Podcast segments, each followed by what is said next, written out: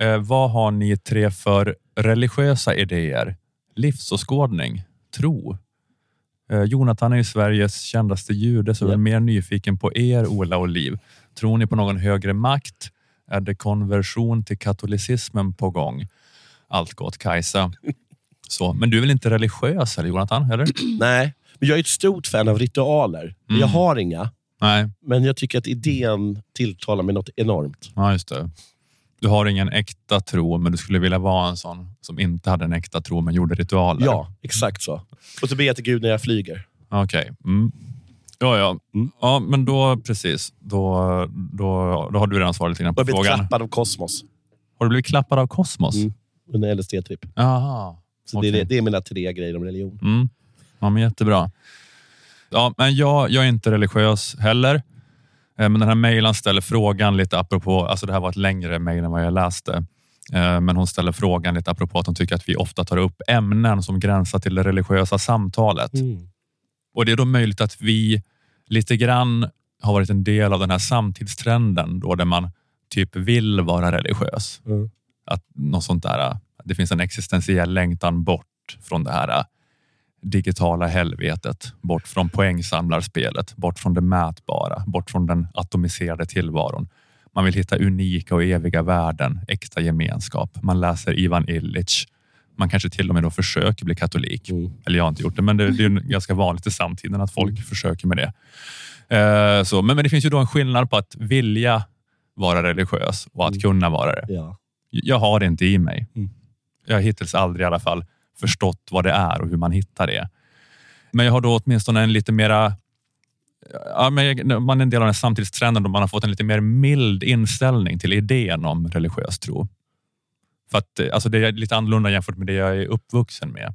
Att jag är uppvuxen i det kanske minst religiösa samhälle som funnits Mm. och kanske kommer finnas. Sverige på 80 och 90-talet. Ett radhusområde i Luleå. Det var Alltså, ingen det- som skakade av religiös Det, extas det där. finns inget mer gudlöst. Han var så fruktansvärt gudlös. Så här uppsmält på 70-talet. Alla hade bara flyttat dit. Och ingen var fan religiös. Och, och om någon var det var det ett totalt skämt. Och inte ens ett skämt man brydde sig om. Alltså man var bara så här totalt ignorant inför det.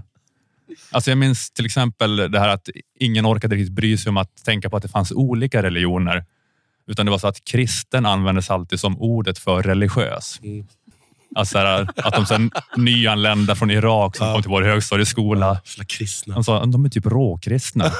De håller på de har såna, såna slöjor för de är typ råkristna. Ja, vi kan inte... Vi kan inte ha blandfärs i, i köttbullar längre för alla, alla kommer hit från, från Mellanöstern och är råkristna. Men jag kommer att någon gång på SO'n så fick vi se en film om en Det här var ett litet smakprov för att få tillgång till detta avsnitt och eh, samtliga avsnitt bakom väggen. Eh, gå in på underproduktion.se och logga in och skaffa en prenumeration. Det kostar endast 29 kronor i månaden och då kan du höra alla fem avsnitt som släpps varje månad och inte bara de två som släpps här i gratisfiden. Och eh, nu med nya sajten, nyaunderproduktion.se, är det väldigt enkelt. Dels alltså att skaffa prenumerationer, men framför allt att lägga in prenumerantfiden i din favoritapp. Eh, det är inte det där krånglet det var tidigare med att klistra in eh, URL och skriva in användarnamn och lösenord, utan det är bara att trycka på en knapp.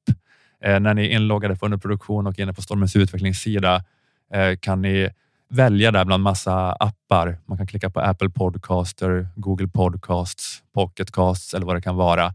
Ni kan från en lång lista där välja en favoritapp och så öppnas poddflödet automatiskt i den appen. Eh, skulle det uppstå några problem eller frågor så kan ni mejla support underproduktion.se för snabbt svar.